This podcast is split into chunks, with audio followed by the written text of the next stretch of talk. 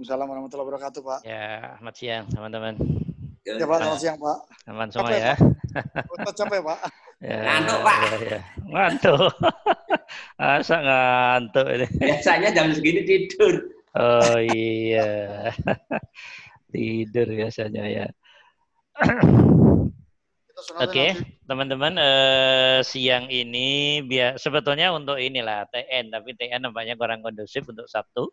Makanya bisa kita isi untuk pengembangan. Bagi yang TN bisa mematangkan TN-nya, bagi yang pendalaman ayat-ayat ketauhidan dari Al-Qur'annya bisa diperdalam atau dikembangkan di eh, hal-hal yang lain yang sifatnya kasuistis dan seterusnya bisa kita persilahkan eh, teman-teman untuk eh, apa namanya diperdalam lewat pertanyaan-pertanyaan sehingga akan lebih menjadi tajam dari pengetahuan-pengetahuan yang sudah di apa namanya mengerti selama ini atau mungkin ditambah pertanyaan-pertanyaan yang bersifat kasus dari ilmu yang sudah diamalkannya ada efek apa, ada perkembangan apa, ada perubahan apa dan seterusnya.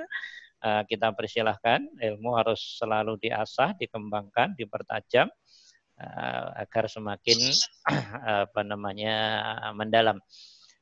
Kita persilahkan pada teman-teman untuk ini ya.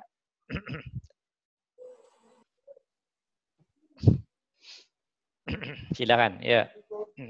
Siapa dulu yang mau bertanya?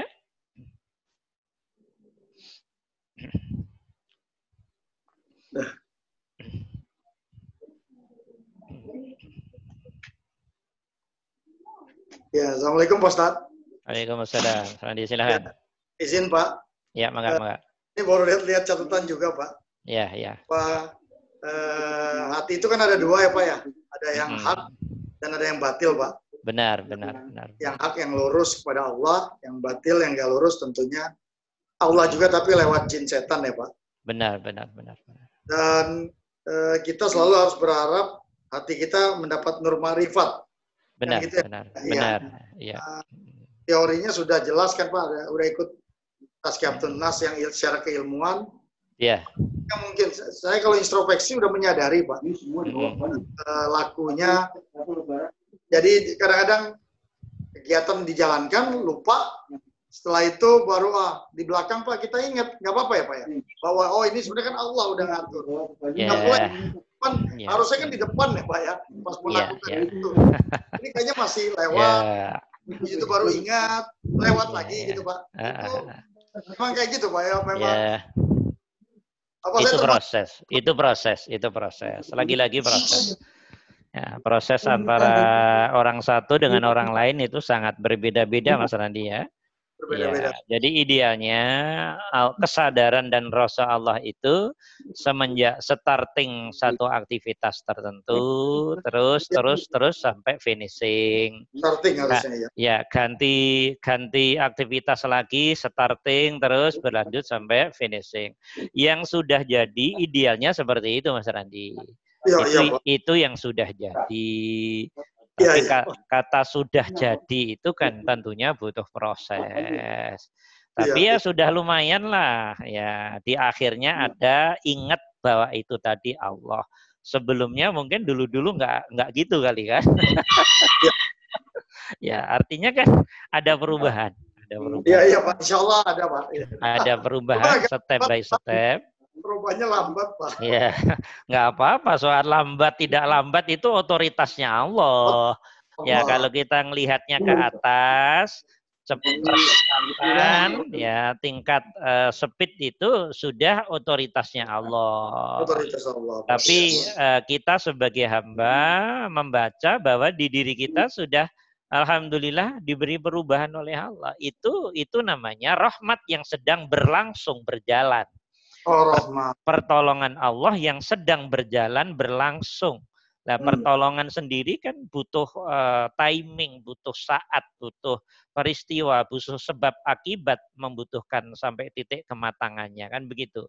Iya Pak. Iya. Ya, ya, ya, ya, dilewati aja terus, dilewati terus. Ya. Tapi perubahan, ada perubahan, itu berarti sudah sudah rahmatnya Allah, fadlnya Allah. Kalau Oh, iya. tidak, kita mungkin dibuat lebih mundur oleh Allah. Nah, ini Oh. kan sudah lumayan ada Allah-Allahnya kan gitu. Iya, Pak. ya, ada alhamdulillah lah ya. Ada ada kesadaran walaupun di akhir ya. Iya, iya, Pak. Hmm. Tapi kalau kita jawab secara syariat, Mas Randi, Iya, Pak. ya eh, mau percepatan lebih cepat lagi, lah jawabannya pasti eh, selalu sama, yaitu harus menambah munajatnya pada Allah. Munajat itu maksudnya juhud khusus, zikir khususnya itu Hmm. harus diistiqomahkan, dipertahankan, ah, dan kalau bisa diperbanyak zona Hmm. waktunya. Yang asalnya berapa menit, mamanya setengah jam, ditambah.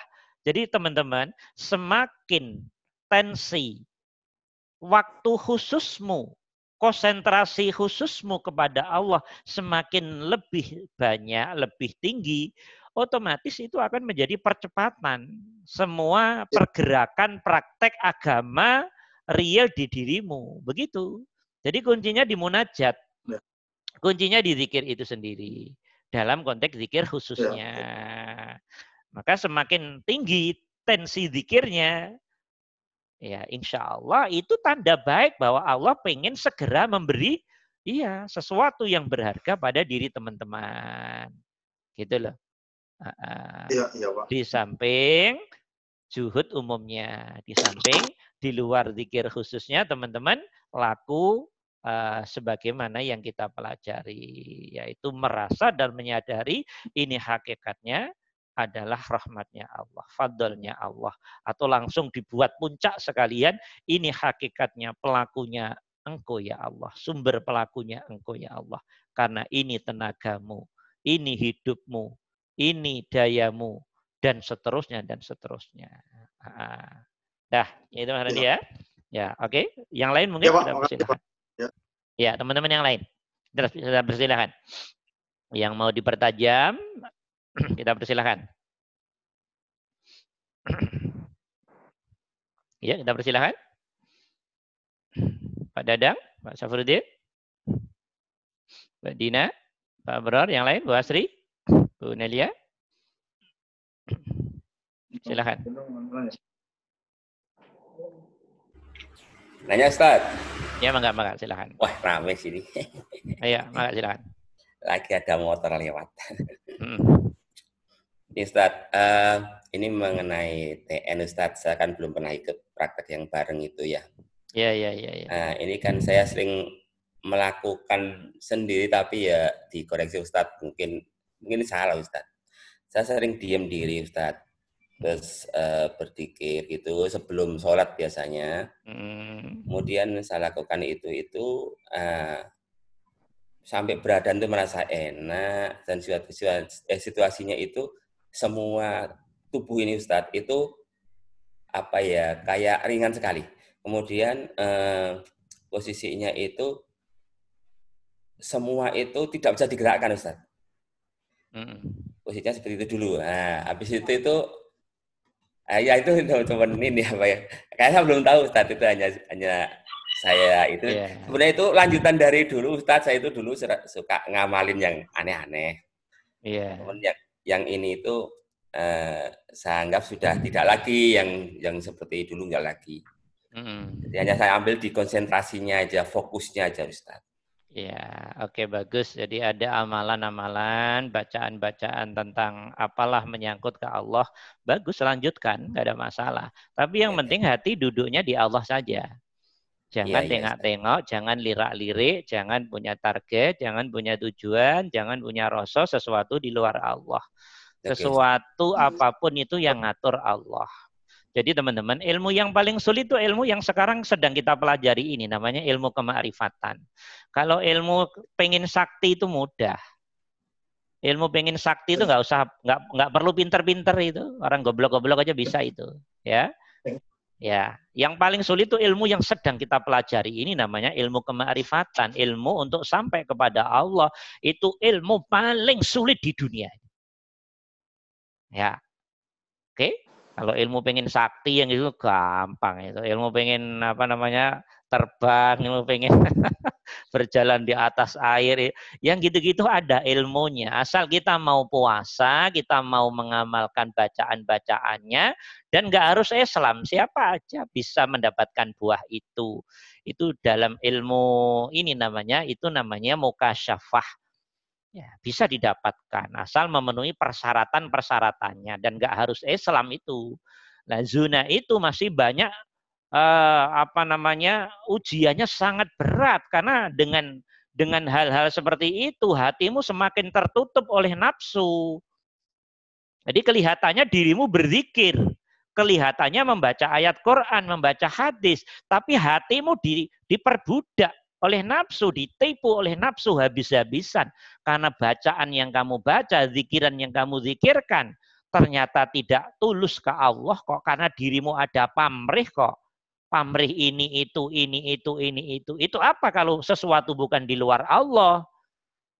Nah itu apa namanya kalau bukan harsad dunia itu apa namanya kalau bukan Rabbana atina fid dunya hasanah wa malahu fil akhirati min khalaq? Apa namanya masih masa masih mau kejebak oleh nafsu kita sudah ayat sudah paham ayatnya enggak Hati-hati. Teman-teman yang masuk ke zona ilmu itu semakin berat tantangan hatimu untuk sampai kepada Allah. Karena hati diperbudak oleh nafsu, setan, jin, iblis.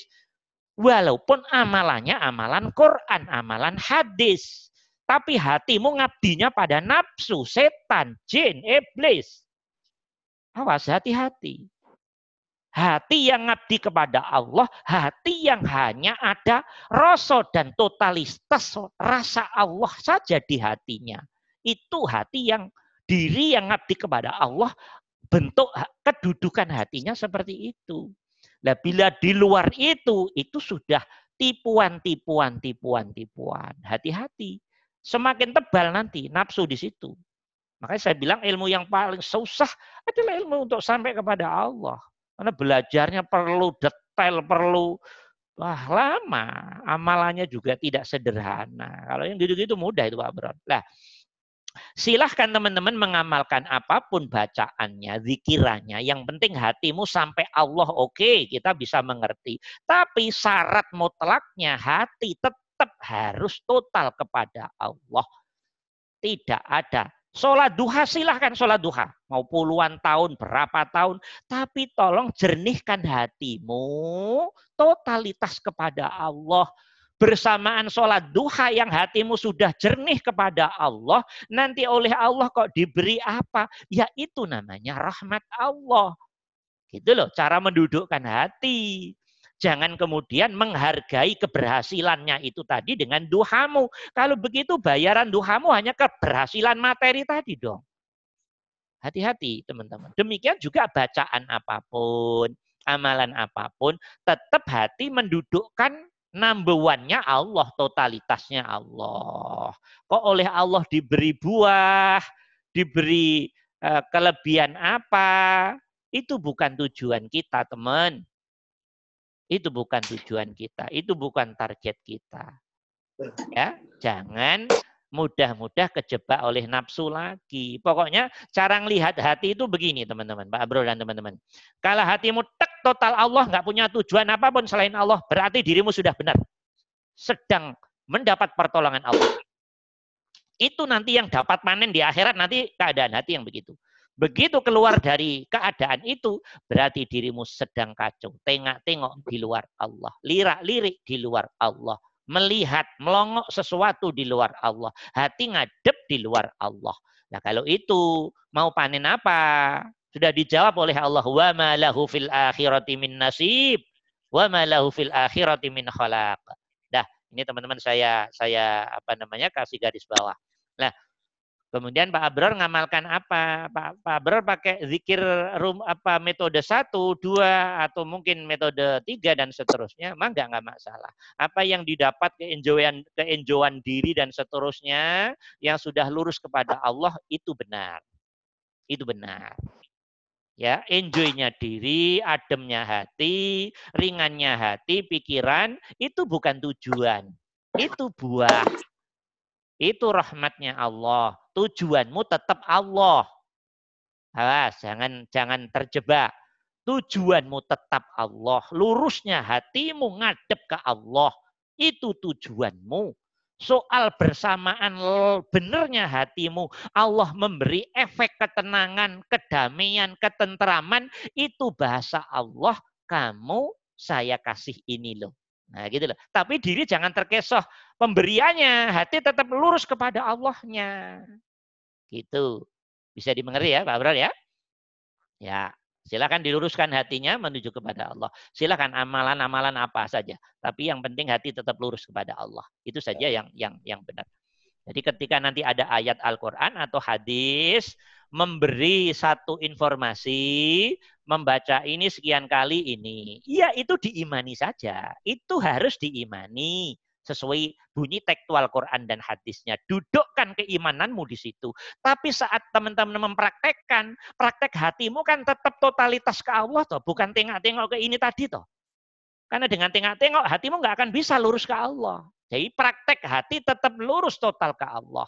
Adapun informasi dari Allah yang baca ini nanti begini begini, tetap itu diimani. Diimani, tapi jangan mengisi totalitas rasa dan sadarmu. Gitu loh praktek di hatinya.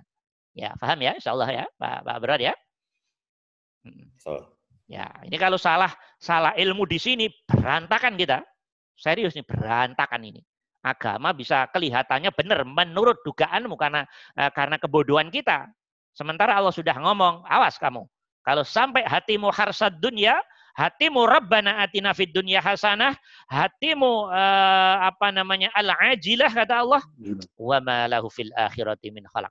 Nanti di akhirat kamu tidak akan mendapat sedikit pun artinya neraka. Gitu, paham apa enggak? Walaupun perbuatannya baik. Perbuatannya baik. Sholat, zakat, puasa, haji, umroh, zikiran, sodako, perbuatannya baik. Tapi salah duduknya hati. Tetap neraka teman. Karena diri, per, perbuatan baik dirimu sejatinya kamu flase dari nafsu.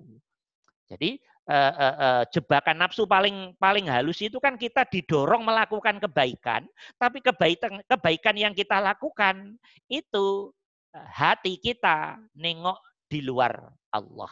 Itu jebakan paling tingginya nafsu seperti itu. Atau melakukan perbuatan baik, diri ngerasa aku hebat, aku sudah baik, aku sudah melakukan perbuatan baik.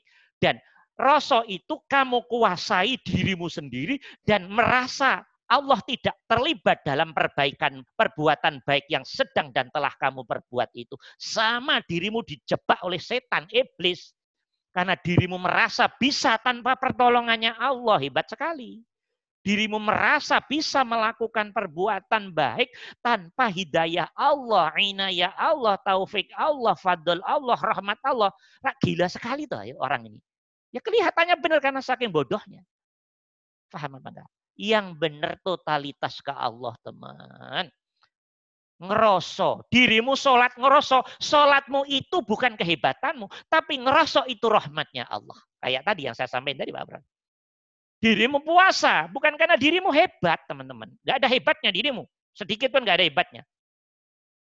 Tapi ngerosolah dirimu bisa berpuasa karena itu bagian dari rahmatnya Allah, fadlnya Allah, karunia Allah, pertolongan Allah, hidayah Allah, taufiknya Allah, inayahnya Allah. Dirimu harus numpang pada kehebatan Allah ini. Jangan dirimu melepas rasa dan kesadaran ngerasa hebat tanpa pertolongan Allah. Itu namanya kafir, hati yang kafir. Ngerasa bisa sendiri tanpa terlibatnya Allah. Hebat kali kita. Nah, Allah nggak mau begitu. Allah nggak mau begitu. Jadi Allah mau dirimu selalu ada rasa bahwa Allah selalu bersamamu. Gitu loh. Wahwa ma'akum aina ma kuntum kata Allah. Dia Allah selalu bersama kamu di mana pun kamu berada. Kamu sholat Allah selalu bersamamu.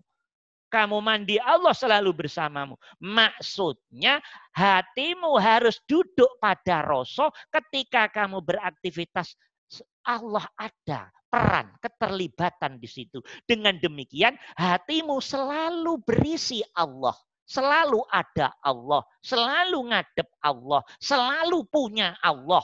Gitu loh. Untuk apa ngomong Islam kalau semua aktivitasnya terlepas dari Allah? Di mana letak keimananmu? Wong Allahnya nggak pernah ada di hatimu kok. Nah, gitu loh teman-teman. Paham ya Pak Abrar tadi ya? Awas, hati-hati loh. Hati-hati loh. Ayatnya udah jelas sekali soalnya. Ya oke, yang lain mungkin ada pertanyaan yang perlu diperdalam?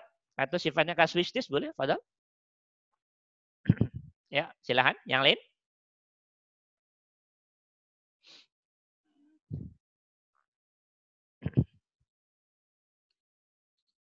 Oke, yang lain?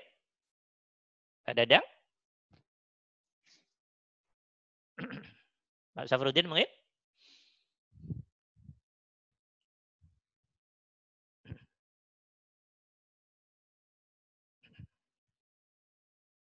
Oke, teman-teman, silahkan. Bu Asri atau yang lain? Ini ada siapa nih? Ada Nuzula barang nih. Silahkan. Ayo yang lain silahkan. Boleh nanya. Bebas. Putri, Putri, Pak Brahim nih, Pak Brahim. Ada Pak Brahim juga nih. Silakan Pak Brahim. Gimana kabarnya nih? Bekasi. ya. Ya, silakan, silakan. Suaranya Bu Asri agak mantul-mantul. Coba di ini. Assalamualaikum. Waalaikumsalam. Ya, sudah, sudah. Bagus. Begini Pak Ustadz. Ya. Malah badan udah rontok. Ya. Yeah. Pak Ustadz, manakala badan sudah lelah, sudah rontok gitu ya, mm -hmm. boleh nggak saat kita ber Terus yang kedua, saat kita bergiat, dan, dan, terus saat kita lelah apa tadi? Terputus dari saya tadi. Uh, saat kita lelah, capek, uh, kita jikirnya tidur, boleh nggak? Maksudnya berbaring, boleh nggak, yeah, Pak Ustadz? Iya, iya, iya. Terus apa lagi? Terus yang kedua, yang kedua, pada pada saat kita berzikir serius konsen, roh kita berjalan uh, ke negeri ke negeri lain ke mana ya keluar angkasa atau ke mana gitu iya, mungkin nggak iya. dia nggak bisa balik pak Ustadz oh ya ada itu aja ya sementara itu aja pak Ustadz ada pertanyaan ya. eh, sudah karena fisiklinya badan kasarnya capek lelah ya lemes bisakah kita zikir dengan uh, tiduran bisa apa sih yang enggak yang enggak bisa, teman-teman? Allah itu enak sekali. Jangankan dikir sama tiduran, Bang, dikir sama sama pipis harus kok. Dikir sama uh, buang air besar harus kok. Zikir sama mandi harus kok. Kalau dirimu sudah paham Allah, bagian mana dari pekerjaanmu yang tidak zikir? Jadi kalau orang sudah paham Allah, ngerti Allah lewat ilmunya Allah, teman-teman, posisi itu sudah nggak jadi bahasan lagi. Mau berdiri, mau duduk, mau tiduran, mau nungging, mau mau apa itu sudah nggak ada urusan. Itu gerak fisik tak teman-teman. Yang dilihat oleh Allah keadaan hatimu hubungannya dengan Allah. Rak itu tah. Keadaan hatimu walaupun hatimu sedang berdiri yang penting hatimu sampai Allah. Duduk tapi yang penting hatimu sampai Allah tiduran, tapi hatimu yang penting sampai Allah. Ini nggak masalah. Allah juga ngerti kalau dirimu capek, memang Allah di situ. Iya nggak masalah. Yang repot udah nggak capek, hati nggak nyambung ke Allah, berdirinya nggak nyambung, duduknya nggak nyambung, apalagi tidurannya. Nah itu yang repot. Paham? Boleh nggak ada masalah? Itulah yang dimaksud oleh Allah. Orang yang sudah sampai Allah, alladzina yadhkuruna Allah qiyaman wa qu'udan wa ala junubihim. Orang-orang yang sudah sampai Allah, ketemu Allah, melihat Allah, sudah ihsan, sudah ma'rifah, selalu ingat Allah, baik berdirinya kiaman. Kiaman itu berdiri dalam aktivitas apa pun. Ini yang yang belum pinter berdirinya hanya sholat doang. Itu itu masih kelas SD itu belum selesai itu ya. Kelas SD belum selesai itu. Kiaman semua aktivitasmu yang berdi hatimu apa dirimu berdiri, hatimu ingat Allah. Wa dan duduk posisi dudukmu mau duduk jenis apa pun, hatimu tetap nyambung kepada Allah. Nah, gitu lah. Kiaman wa qu'udan wa ala junubihim tidurannya berbaringnya tetap hatimu nyambung ke Allah. Ini tanda orang yang sudah mau sampai atau sudah sampai kepada Allah dalam prosesnya seperti itu. Jadi posisi diri aktivitas itu sudah sudah serna. Jadi ketemunya Allah bisa lewat semua aktivitasnya. Yang baru bisa ketemu Allah lewat sholat lima waktu dan sholat rawatib itu baru latihan dasar teman-teman. Kalau bahasa canda itu masih kelas SD, masih kelas SD. Ya, belum, belum, belum, belum jadi itu, belum jadi itu. Nah, begitu Wasri ya, jawabannya begitu. Semua posisi, semua waktu, semua nafas. Nah, jadi duduk berdiri itu hanya zona syariat. Nah kalau sholat kan Allah ngajarin berdiri, ya berdiri. Tapi kalau nggak kuat berdiri karena sakit, karena pusing, karena apa? Ya duduk, duduk nggak kuat, tidur harus. Jangan dipaksain duduk atau berdiri, nggak boleh. Nah, jadi yang bisa menjawab keadaanmu bagaimana ya dirimu sendiri. Nah, gitu ya. Dah, itu satu. Yang kedua, uh, kala berzikir sirul asrar, zikir sirul asrar, Hmm, ini pelajaran TN, teman-teman yang tidak TN pertanyaannya mungkin nggak begitu paham. Nah, teman-teman yang sudah mengamalkan dikir sirul asror, saat sudah fana, kemudian ruh kita dijalankan oleh Allah ke alam-alam yang lain, Ya itu. Jadi kan saya bilang sering kali teman-teman, kalau teman-teman dikir sirul asror, ruhnya, jiwa jiwa kita, ruh kita, hati kita oleh Allah diajak jalan-jalan ke mana-mana, diperjalankan oleh Allah. Mau ke langit, mau ke mana, mau ke alam kubur, bila perlu ke surga, bila perlu ke neraka, ketemu malaikat, ketemu jin, dan seterusnya. Itu otoritasnya Allah. Itu hal yang sangat terjadi. Dibawa ke alam lain tapi yang penting diri jangan takut di situ. Karena alam semesta ini tidak ada satu ujung jarum pun yang tidak ada, yang tidak ada genggaman Allah, kekuasaan Allah. Yang tidak ada Allahnya, semua dikuasai oleh Allah. Diri nggak perlu hmm. takut. Iblis itu di dalamnya ya dikuasai Allah juga. Setan jin itu di dalamnya ya dikuasai Allah juga. Apa yang tidak dikuasai Allah? Maka dirimu jangan melihat makhluknya, tapi melihatlah zat hidup yang menguasai semua makhluk dengan alamnya masing-masing. Harus hati yakin di situ. Tidak boleh takut. Tidak boleh takut. Karena dirimu harus ngerasa bahwa Allah yang memperjalankan ruh ini. Nah, pertanyaannya, mungkin tak Ustadz saat dikir sirul asror, kemudian hati fana, hilang diri, kemudian ruh oleh Allah diperjalankan ke alam mana, alam malakut, alam malaikat, atau alamnya jin, atau ke mana lah. Saat kejadian itu nggak bisa pulang, terus mati, ya kenapa nggak mungkin? lah kalau dirimu zikir sirul asror, kemudian me, mengalami hal seperti itu dan mati pada saat seperti itu, ya berarti matimu mati yang husnul khotimah. Mau nunggu apa lagi? Ya nggak ada masalah, Alhamdulillah mati sedang dalam zona kefanaan, kekhusuan total kepada Allah, kemudian dicabut oleh Allah. Ya selesai sudah, mau apa lagi? Dirimu enak di situ. Yang nangis paling anak istri keluarga. Nah, dirimu enak karena mati dalam keadaan zikrullah, mati dalam keadaan totalitas menghadap Allah, mati dalam keadaan mengabdi menghamba kepada Allah, mati dalam keadaan ihsan, mati dalam keadaan kemakrifatan. Itu mati yang husnul khotimah. Mati yang husnul khotimah. Nah, makanya teman-teman yang biasa dikir sirul asror, nah, biasa toh, nah, sebagian kita ada yang dilihatkan ini itu apa. Jangan takut. Sadarilah itu permainan Allah. Permainan Allah. Nah, yang nggak diberi gini gitu juga sadarilah Allah pengen begitu pada dirimu. Ikutin Allah aja, ikutin Allah saja. Nah, Oke, jadi nggak ada urusan mati dan nggak mati. Mati dan nggak mati itu urusan ajalnya Allah itu. Kalau Allah menetapkan kita harus mati dalam keadaan sholat, Ya, harus terjadi. Ya toh? Allah menetapkan kita harus mati dalam keadaan zikir, sirul asrar namanya, ya harus terjadi.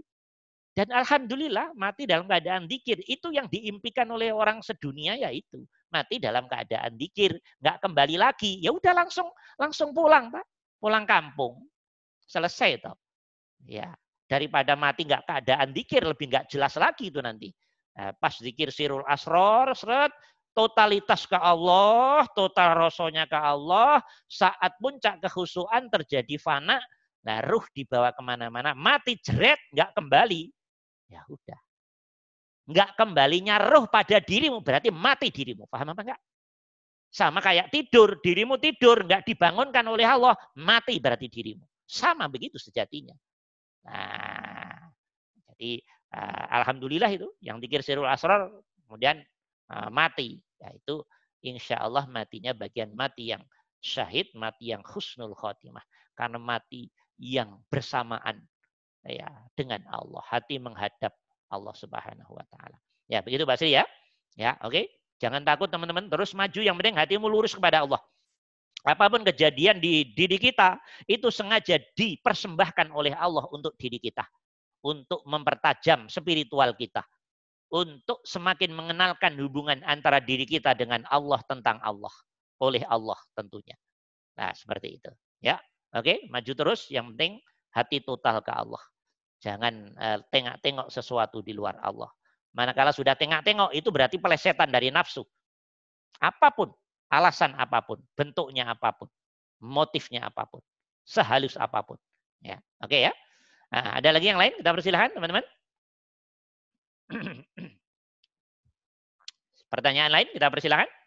Biar saling melengkapi. Yang bertanya insya Allah melengkapi yang tidak bertanya. Karena yang tidak bertanya aslinya juga belum paham. Ya. ya. Oke silahkan yang lain ya. Maka yang lain kita persilahkan. Pak Dadang, Pak Gadot, Mbak Dina.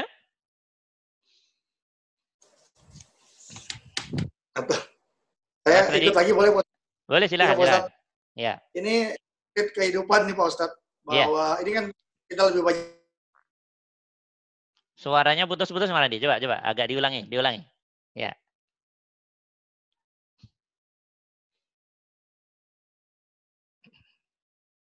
Halo, halo, Mas Randi?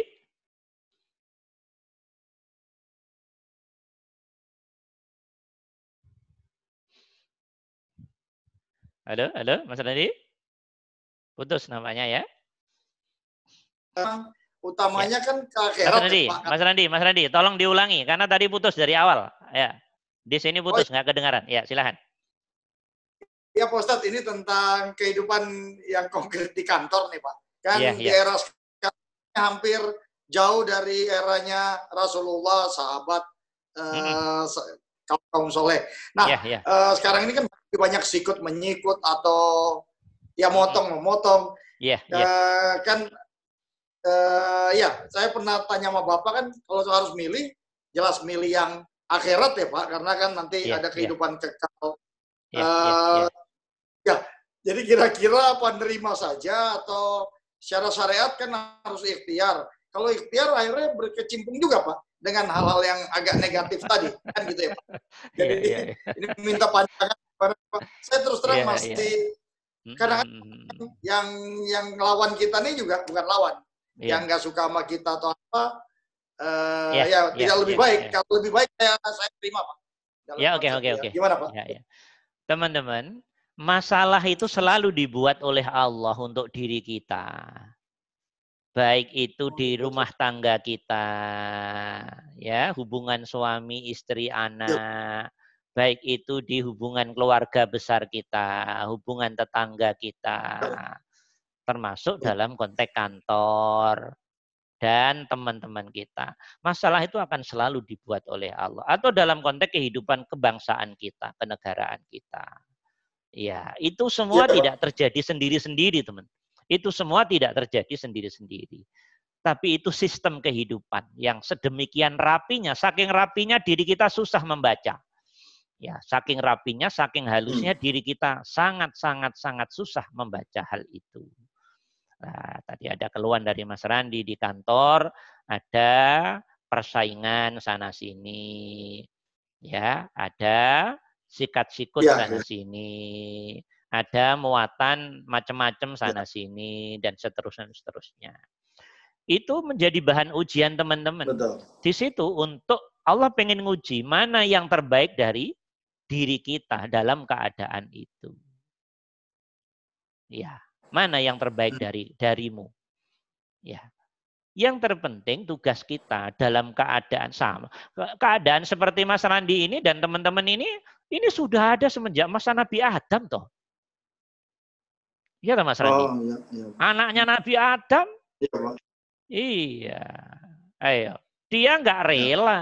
Saya kok dapat ini. Saya kok dapat yang hitam. Saya kok. lah, itu rasa sejatinya sama. Iya. Dua putranya Nabi Adam yang kembar. Ya. Yang satu dapat yang lebih agak yang lebih cantik, yang satu ngerasa kurang cantik. Yang dapat kurang cantik, kemudian dia iri, kemudian dia dendam, kemudian mengadakan eh, terik-terik pergerakan usaha untuk kemudian bahasa kasarnya Ya. eh, cepat atau lambat menenggelamkan atau melengsarkan eh, yang lain. Ini kan sifat itu sudah muncul semenjak awal manusia berada, Mas Randi, dalam lingkupnya masing-masing. Sama hanya Mas Randi dalam konteks Hmm. pekerjaan. Putranya Nabi Adam dalam konteks rebutan cewek. Gue ngerasa ganteng kok dapat yang agak kurang. Nah gitu. Ini kan nafsu sudah mulai ngomporin di hati kita, tah. Ngomporin. Lo ente ini, kenapa nggak begini? Diri kita ngikutin suara atau rasa yang ada di hati itu. Nggak sadar kalau itu rasa, lewat rasa dan kesadaran tadi sejatinya suara setan, iblis, jin. Kita ngikuti. Nah maka kita kejebak. Hmm. Kalau kita hanyut di sini lewat rasa, bencinya, irinya, dan negatif-negatif yang lain, berarti diri kita sejatinya kebawa oleh nafsu. Diri kita sedang tidak dapat pertolongan Allah. Nah, kalau diri dalam keadaan ini normal, tetap melihat Allah, tentunya tetap berbuat lurus atas nama Allah, sesuai dengan kapasitas bidangnya masing-masing, dengan bentuk peristiwanya, lingkupnya masing-masing, berarti dirimu tetap ada pada zona lurus pada keadaanmu masing-masing. Itu sengaja. Kalau tidak begitu bagaimana Mas Suji tera, Mas Randy teruji oleh Allah bahwa diri kita ini baik. Itu cara Allah untuk menguji kita. Bukan hanya di lingkungan kerja, Mas Randy. Di lingkungan apa pun. Di lingkungan apa pun.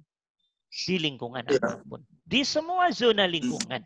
Bukan hanya di urusan kerja saja. Ini pilihan satu sisi, secara syariat pilihan. Silahkan dirimu hanyut kepada suara nafsu, iblis, setan, jin tadi. Yang itu sebetulnya tingkat negatifnya sudah bisa kamu deteksi. Tapi dirimu ngotot mengikuti dia. Berarti diri sedang dalam zona kezaliman teman-teman. Diri sedang dalam zona yang semakin terseret jauh dari Allah. Artinya diri kita zalim. Artinya diri kita semakin menjauh dari Allah. Kala kita mengikuti suara ini. Gitu Mas Randi. Tapi Ya, kalau kita ya. tetap ya Allah, apa yang saya hadapi? Yang lurus menurut gaiden agama, menurut gaiden hukum sosial, menurut gaiden hukum positif. Dan sambil pekerjaan, perbuatan, sikap yang lurusnya didasari melihat Allah, ya berarti berarti dirimu lulus dah di di zona ah, macan-macan nafsu yang sangat garang-garang tadi.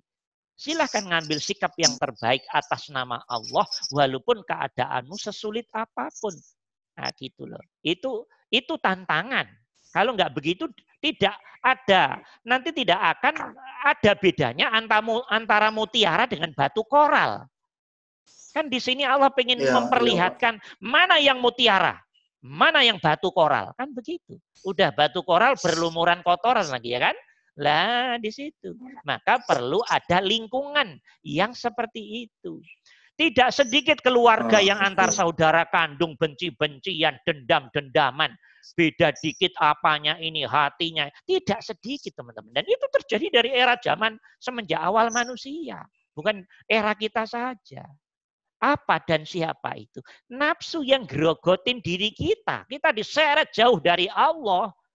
Sehingga efeknya dendam, efeknya iri, efeknya loh, efek semua efek yang negatif adalah efek suara nafsu setan jin iblis yang nyeret kita jauh dari Allah sehingga kita tunduk pada mereka kita nggak sadar kalau kita sejatinya dikerjain habis-habisan itu yang dimaksud dalam ayat Al-Quran. Ya'iduhum wa yumannihim wa ma ya'iduhum syaitanu illa hururo. Ini yang dimaksud ini Mas Randi.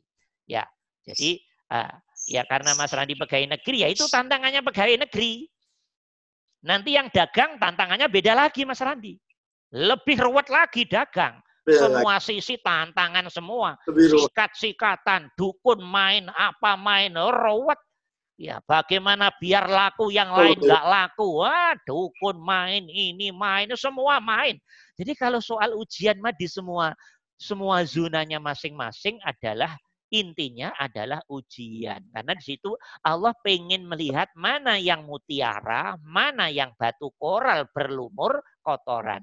Mana yang lulus ujian, mana yang tidak lulus ujian. Ya harus ada zona tantangan dong. Nah, gitulah Mas Andi ya. Ya, tapi yang yang selamat ya, mesti satu, yang selamat mesti satu.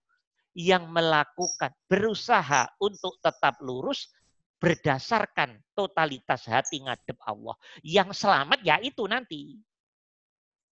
Nanti waktunya naik pangkat ya tetap naik pangkat maupun siapa pun ingin menjatuhkan diri harus percaya bahwa nggak akan mungkin sesuatu keluar dari rencana Allah itu nggak mungkin.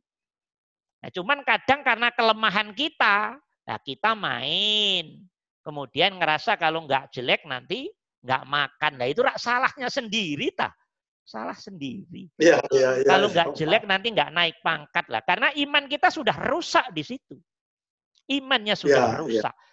Kepercayaannya pada Allah, keyakinannya kepada Allah terombang ambing oleh nafsu.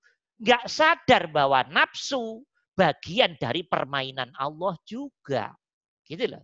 Mas Andi, hati-hati ya teman-teman. Pesan saya seperti yep. itu aja. Yep. Jadi mudah-mudahan kita selalu bisa pilih yang lurus, tapi keadaan perbuatan yang lurus itu tandanya adalah hati menyandar kepada Allah, hati melihat kepada Allah, hati lurus kepada Allah. Soal nggak enak, nggak enak, negatif harus ada di sekitarmu, bahkan harus ada di dirimu. Karena untuk menguji dirimu, mutiara atau batu koral. Paham apa enggak? Iya. Paham. Ya, oke. Okay. Ya, yang lain mungkin kita persilahkan. Assalamualaikum Ustaz. Ya, Waalaikumsalam. Silakan, benar ya. Ya, ini Ustaz mau memperdalam aja masalah Ya, ya, ya. Uh, sebentar lagi kan 10 terakhir Ramadan. Yang ya. mana yang baik untuk kita? Apakah kita uh, lebih husuk ke habluminallah atau kita bisa ke habluminanas yang mana yang bagusnya Oke, okay. pertanyaan-pertanyaan bagus sekali. Jadi di akhir 10 Ramadan sebagaimana diceritakan dalam hadis ya Rasul itu kalau sudah 10 Ramadan akhir wah luar biasa ininya. Itu Rasul. Kekuatan Rasul memang se seperti itu ya. Nah, kita yang nggak rasul, ya niru-niru niru-niru rasul, tapi niru-niru semampunya, sedosis kadar kita. Tapi jangan sampai terpaksa, tapi dudukkan hati tetap ikhlas. Ya, yang dinamai mencari Lailatul Qadar itu kan, Padahal Lailatul Qadar bisa terjadi di tanggal 1 Ramadan, berapa Ramadan nggak nggak jelas aslinya karena itu rahasia Allah. Yang penting hatimu duduk kepada Allah gitu teman-teman. Jadi teman-teman jangan terlalu banyak terkecoh syariat. Sekarang udah mulai pinter gitu loh. Jadi yang dilihat oleh Allah itu lurusnya hatimu kepada Allah, bukan masalah Lailatul Qadarnya atau apanya. Faham? Walaupun kita tetap tahu, yakin Lailatul Qadar beribadah semalam sama dengan seribu bulan. Iya. Itu kalau ikhlas kan. Kalau nggak ikhlas, kalau nggak ikhlas kan nggak juga toh, Benar ya? iya. Nah, dah. Jadi sekarang saya garis bawahi. Garis bawah yang pertama, yang terpenting dudukkan hatimu dari awal puasa sampai akhir puasa, bahkan tidak kenal bulan apa pun itu, hatimu total ke Allah. Berarti itu benar. Saat hatimu mengamalkan total ke Allah, sejatinya dirimu selalu mendapat Lailatul Qadar. Paham apa enggak? Karena amalmu benar-benar tembus ke Allah. Itu kalau udah begitu terserah Allah, dah. Pahala di berapa kali dilipatkan tuh urusan Allah. Oke, tapi sekarang konteksnya syariat ini, fikih ini. 10 Ramadan, lebih baik hablum minallah atau hablum minanas? Nah, ini yang mohon maaf, yang pengetahuannya belum belum dalam selalu memisah. Hablum minallah, hablum minanas itu dipisah. Itu oke, okay, saya tahu itu. Hablum minallah itu ibadah yang sifatnya lurus ke Allah, sholat ini hubungannya pribadi dengan Allah. Oke, okay, itu sudah lulus semuanya. Hablum minanas, ibadah yang berkaitan dengan manusia. Ini juga salah faham. Ini juga banyak yang salah faham. Yang penting sodakoh, yang penting infak, yang penting hibah, yang penting wakaf, yang penting memberi kepada orang. Tapi hatimu nggak lurus kepada Allah sampai toh habluminan nas ini. Nggak sampai teman-teman. Dirimu ngasih buka puasa sepuluh ribu orang. Habluminan nas toh. Tapi hatimu tidak duduk di hadapan Allah. Bagaimana? Tidak ada apa-apanya. Nah sekarang ayo pemahaman kita lebih tinggi. Bagaimana biar hablum minallah jadi hablum minallah, hablum minanas jadi hablum minallah. Itu kelas tinggi berarti. Hatimu sodakoh. Diri sodakoh. Oke? Ini ini mohon maaf nih, jeleknya kita nih, mohon maaf nih, pemahaman kita yang belum sampai ke Allah. Jadi memahami ibadah itu hablum minanas itu kan mohon maaf, sodakoh, nolong orang, kalau itu iya. sudah yeah. final lah teman-teman, itu final lah itu. Itu final lah. Hati yang baik pasti akan diseret oleh Allah, akan didorong oleh Allah untuk baik kepada semuanya. Itu namanya rahmatan lil alamin. Hati yang sudah sampai Allah teman, nggak mungkin duduk termenung di kamar ke Allah saja. Itu nggak mungkin. Hati yang sudah sampai Allah pasti akan berfollow up, dia baik sama orang, dia baik sama siapa pun dan apa pun. Itu begitu rumusnya, Bu Nelia. Contohnya para nabi. Karena hablum minallahnya bagus. Maka pasti efek keluar diri ya pasti bagus. Efek keluar keluar diri namanya al akhlakul karimah. Akhlak karimah yang nggak punya makan diberi makan. Ini bagian dari akhlakul karimah. Karena jernihnya hatinya, alam rasanya tajam. Ya dia akan bekerja untuk itu. Beda yang hatinya belum sampai. Yang ngasih orang banyak tapi pamer. Biar dipandang dermawan. Ada motif-motif di luar Allah. Loh, masih kotor tak? habluminan nas, habluminan nas. Tapi hatinya kotor, belum sampai kepada Allah. Maka saya bilang, ayo bagaimana biar habluminan nasnya jadi habluminallah. Jadi nanti sudah tidak ada istilah lagi habluminan nas. Yang ada semua aktivitasmu habluminallah. Menyantuni hmm, anak ya. yatimmu jadi habluminallah bantu fakir miskinmu, ngasih zakatmu, hablum minallah. Oke, orang tuanya lain anak-anaknya bukan karena kehebatannya, hablum minallah. Lihat ini kebaikannya Allah, dirimu hilang di situ. Itu namanya hablum minallah.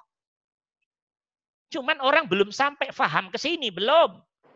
Taunya kalau yang berhubungan ini manusia, manusia manusia, tapi hatinya bagaimana? Itu istilah syar'i. Itu istilah syariat. Tapi hakikatnya yang dituntut oleh Allah bagaimana habluminallah benar-benar habluminallah sampai ke Allah. Karena walaupun dohirnya habluminallah tapi hatinya nggak sampai ke Allah kan tetap disebut bukan habluminallah tah. Jadi habluminallah yang benar-benar sampai ke habluminallah. Habluminanas yang benar-benar menjadi habluminallah. Itu yang diinginkan oleh Allah teman. Jadi itu yang saya maksud dirimu nyapu tapi hablum minallah. Itu penghambaan.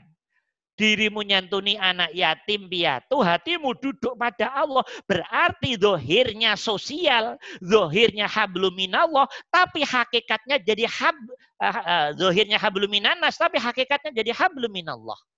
Karena sambungnya hatimu pada Allah. Amalanmu sodakoh, amalanmu infak, amalanmu hibah, sirna di hatimu karena yang kelihatan Allahnya tadi.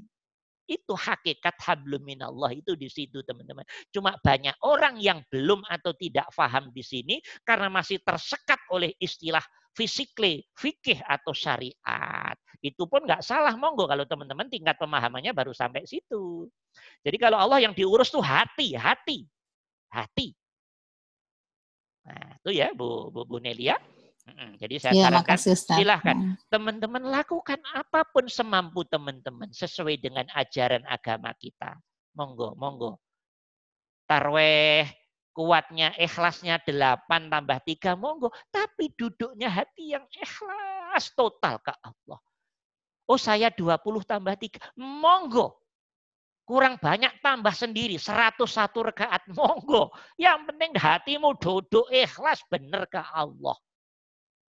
Jadi yang dibicarakan tuh duduknya benernya hati ke Allah. Bukan soal sedikit banyaknya yang dilakukan. Nah, yang bagus banyak tapi hatinya duduk ke Allah. Nah, itu ideal. Itu ideal. Ya, gitu Bu Nelia ya. Iya, kasih Ustaz. Jadi uh, yang perlu diingat oleh teman-teman dan Bu Nelia, bagaimana biar yang menurut umumnya orang hablum minanas, tapi di hatimu hablum mina Allah. Allah. Ini hanya difahami oleh orang yang sudah tingkat mohon maaf, praktek hatinya sudah tingkat tinggi. Jadi sudah istilah hablum minanas sudah hilang teman-teman. Karena semua yang dia lakukan yang kelihatan di hatinya Allah.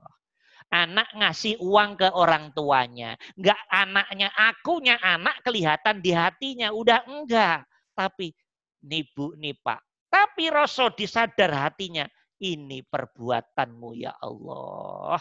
Ini engkau ya Allah.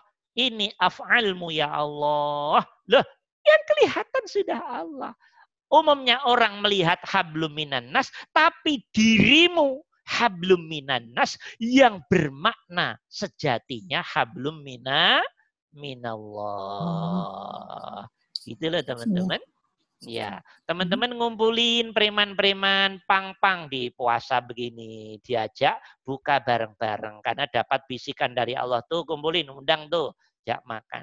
Tapi dirimu sudah nggak melihat dirimu lagi. Ya Allah, ini engkau ya Allah. Ini perbuatan baikmu ya Allah. Ini hakikatnya engkau ya Allah. Dirimu tenggelam di situ. Itu namanya perbuatan hablum nas yang sudah masuk zona hablum minallah perbuatan yang kelihatannya dunia, tapi sudah masuk zona surga. Begitu loh Bu Nelia.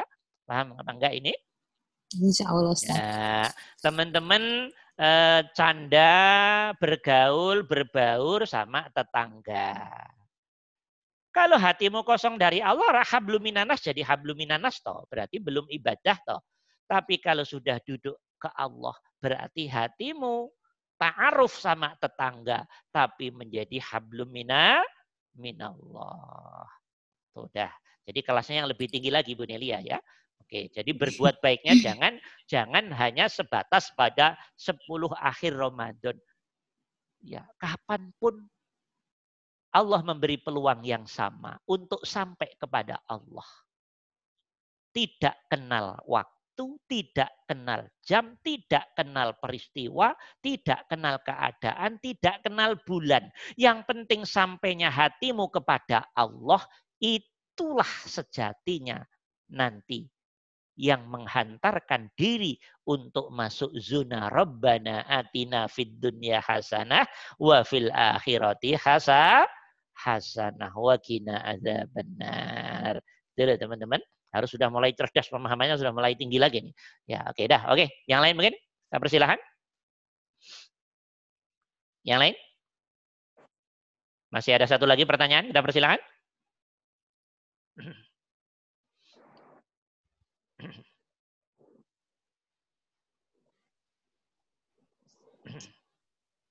Pak Dadang, Pak Dadang, nggak ada pertanyaan Pak Dadang? Adem aja nih Pak Dadang. Mbak Dina, Mbak Dina, ada pertanyaan Mbak Dina?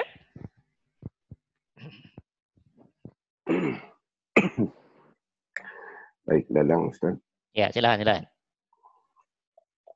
Uh, di dalam berzikir atau hati kita menghadap ke Allah itu uh, menghadapnya itu adalah ruh kita itu uh, menghadapnya itu saya suka suka suka bergeser-geser.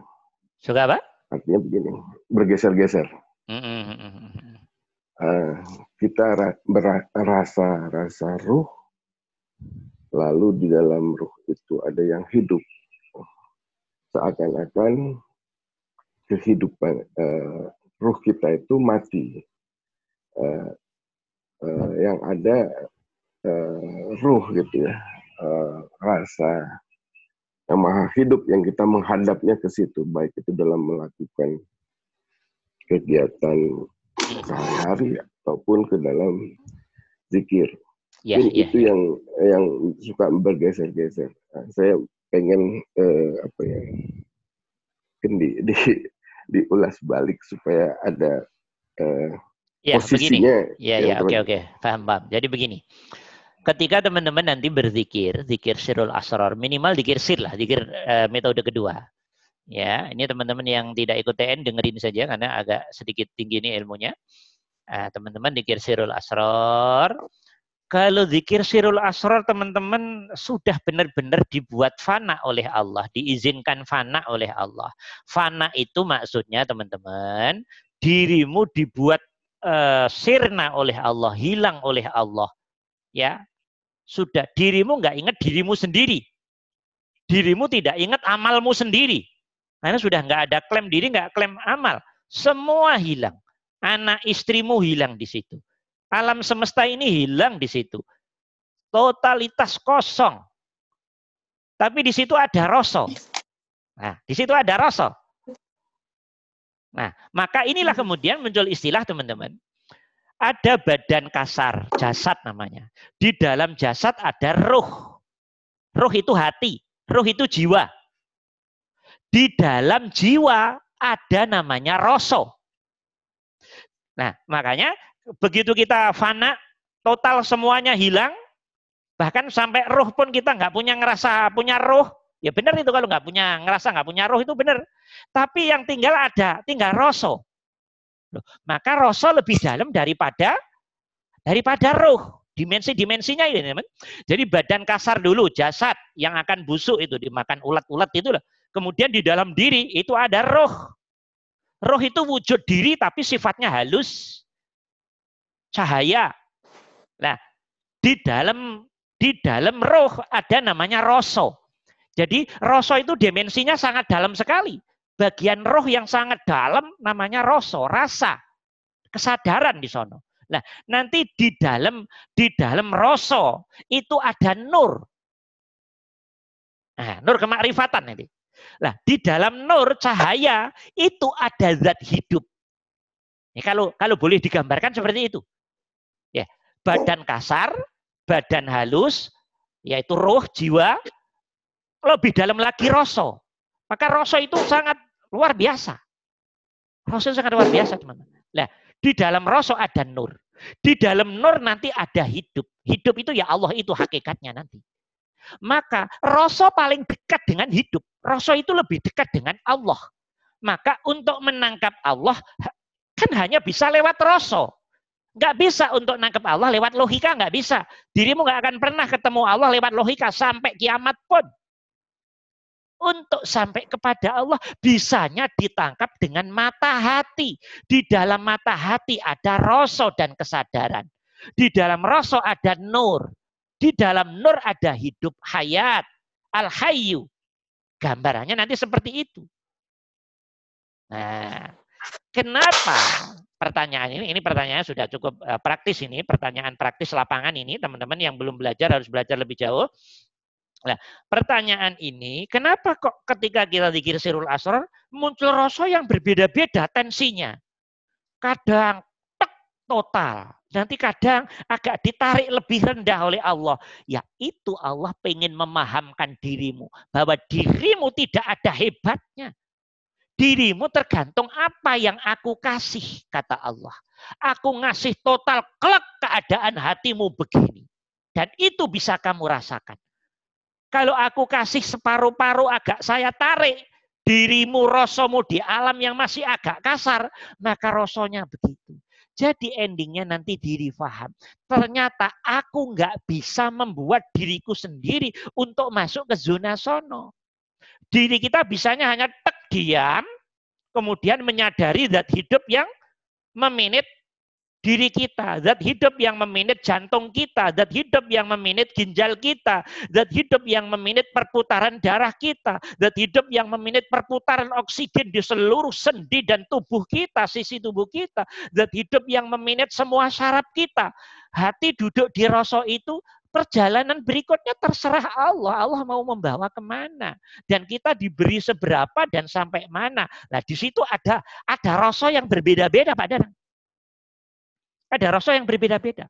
Kalau nanti ditarik oleh Allah, dibawa ke totalitas latifah robaniahnya Allah, dirimu benar-benar hilang total. Tal. Kalau sampai puncaknya.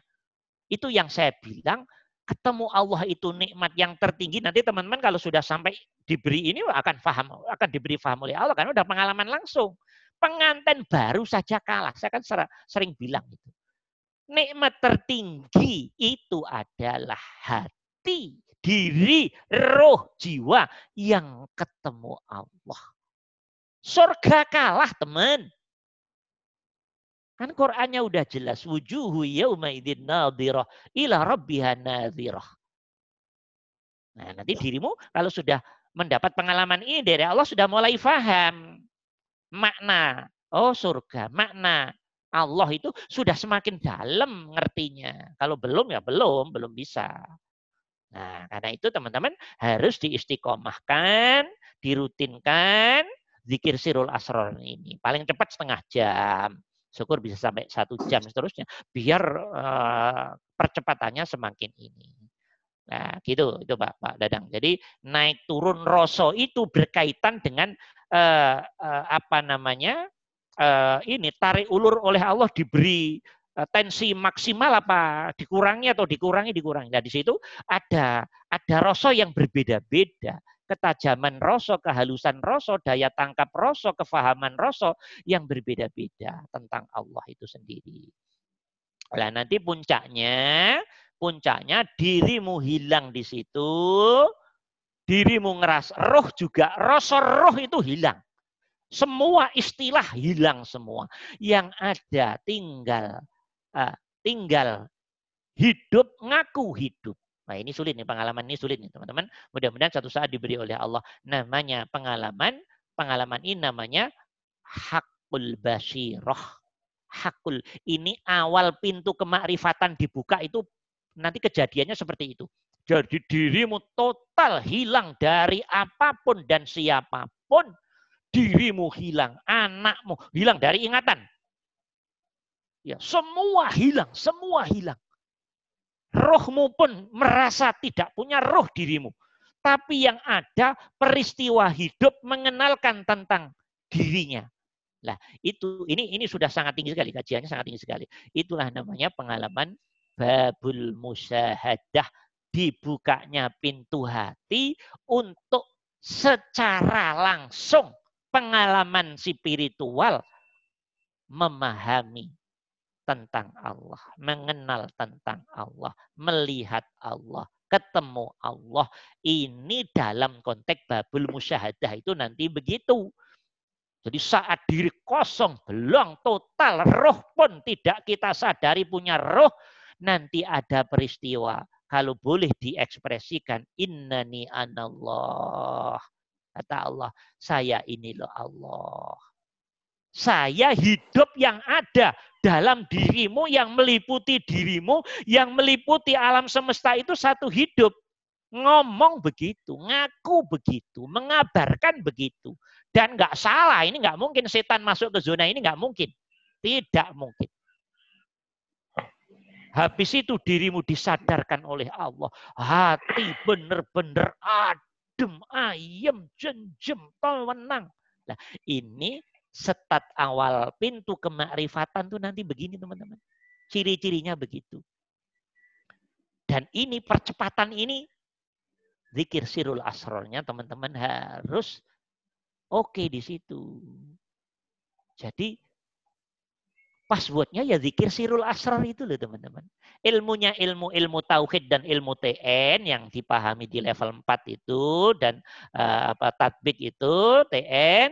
Nah, ilmu itu il, itu zona ilmu, ma'rifatul ilm namanya. Ma'rifat lakunya ya zikir sirul asrar. Teman-teman sering-sering zikir sirul asrar saja. Insya Allah. Mudah-mudahan Allah. Biiznillah. Biridullah ya bifadlillah birahmatillah diri kita secepatnya mendapat rahmat untuk mengalami peristiwa itu. Bu, tidak ada hal yang mustahil di mata Allah. Tidak ada hal yang mustahil di mata Allah. Tanda-tanda baik ketika dirimu terus pengen mencapai keadaan itu atas nama Allah. Itu berarti diri yang bagus ditarik oleh Allah untuk masuk ke zona situ. Itu tanda-tanda baik. Ya, makanya teman-teman terus terus jangan malas-malasan terus habis tahajud zikir sirul asror. Ya, kalau saya ngerasa tambah puasa ini kurang maksimal saya zikir sirul asror saya karena kenapa? Kalau puasa udah banyak kesibukan ini itu ini itu yang sahur yang apa yang tambah saya ngerasa waktu saya banyak terpotong. Tapi kalau tidak puasa lebih enjoy, lebih enjoy. Ini yang saya rasakan pribadi ya. ya udah terpotong uh, apa namanya euforia sahur aja udah satu jam udah ini ini udah wah, udah fisik udah agak capek juga. Uh, kalau saya ini pengalaman di saya pribadi. Jadi kalau tidak puasa kan banyak yang tidur tenang, nggak ada hiruk pikuk ini. Jadi tingkat kefanaan tuh lebih lebih ini ya. Kalau yang saya rasakan seperti itu. Nah, ini diri saya teman-teman bisa berbeda. Uh, uh, jadi ya. sudah tidurnya uh, uh, sudah kalau puasa Kurang. ini kan kebiasaan kita kita ini tidurnya sudah relatif larut malam, bangunnya dituntut lebih awal, nah, sehingga tahajudnya, zikir sirul asrornya relatif lebih kurang kondusif. Itu kalau saya pribadi. Teman-teman mungkin punya pengalaman yang berbeda. Pengalaman yang berbeda. Apalagi ibu-ibu udah ngurus masak barang, lebih nggak konsen lagi. ya, oke. Okay. Ya, dah. Oke, okay, eh, waktu udah habis teman-teman. Oke, okay, mudah-mudahan ada manfaatnya. Ya, itu tadi uh, begitu Pak Dadang jawabannya. Ya, beda-bedanya rasa di zikir sirul asror itu tarik ulur kesempurnaan kehadiran kita, totalitas kehadiran kita kepada Allah itu sendiri. Dan itu sengaja dibuat oleh Allah Dadang. Itu juga merupakan proses. Itu juga ada hikmahnya. Biar diri nggak ada rasa sombong. Ternyata semua engkau juga ya Allah. Andikan kita bisa tek-tek Allah ya enak itu. Tapi faktanya kan nggak bisa. Kadang yang sudah terbiasa saja teman-teman Pak iya. Dadang, kita ini sudah set, sudah 10 menit, 20 menit, kadang masih agak ngambang-ngambang juga. Belum misalnya belum kelak beneran. Kalau kalau udah, kadang kalau dapat rahmatnya Allah set, nggak sampai hitungan 5 menit set, sudah kelaknya itu kena. Bahkan satu jam terasa hitungan detik menit saja. Jadi uh, memang nggak bisa di ini di di apa ya dibuat-buat itu semuanya fadlul minallah. Kadang udah wah udah si niat beneran doh ini udah wah ya Allah pejamin mata sampai setengah jam juga relatif masih ngambang-ngambang aja. Ya, jadi hati pun dibuat rasa yang berlevel-level oleh Allah. Biar semakin kita faham pada Allah bahwa semua aku yang memberi padamu. Kamu tidak punya apa-apa, tidak bisa apa-apa. Karena itu kamu jangan sampai merasa bisa dan punya apa-apa. Jadi manfaatnya yang besar. Kita ikutin aja, kita ikutin. Oke, alhamdulillahirabbil alamin. Mudah-mudahan ada manfaatnya teman-teman ya. Ya, jangan jangan laku ilmu doang, cepat diamalkan ilmu-ilmunya ya. Insya Allah. Iya, biar biar cepat mendapat kemakrifatan, biar cepat sampai kepada Allah. Ilmunya sudah banyak yang dipelajari. Insya Allah nanti bukunya habis hari raya kita terbitin ya sudah dapat 550-an halaman. Nah, nanti teman-teman tinggal membaca buku itu. eh, kalau dikiranya kan sudah dikasih semuanya. Eh, buku itu nanti dibaca berulang kali biar semakin eh, tahu apa artinya sejatinya Islam itu. Ya, alhamdulillahirabbil alamin. Mudah-mudahan ada manfaatnya ya. Assalamualaikum warahmatullahi wabarakatuh. Waalaikumsalam. Waalaikumsalam warahmatullahi wabarakatuh. Jazakumullah. Terima kasih. Assalamualaikum.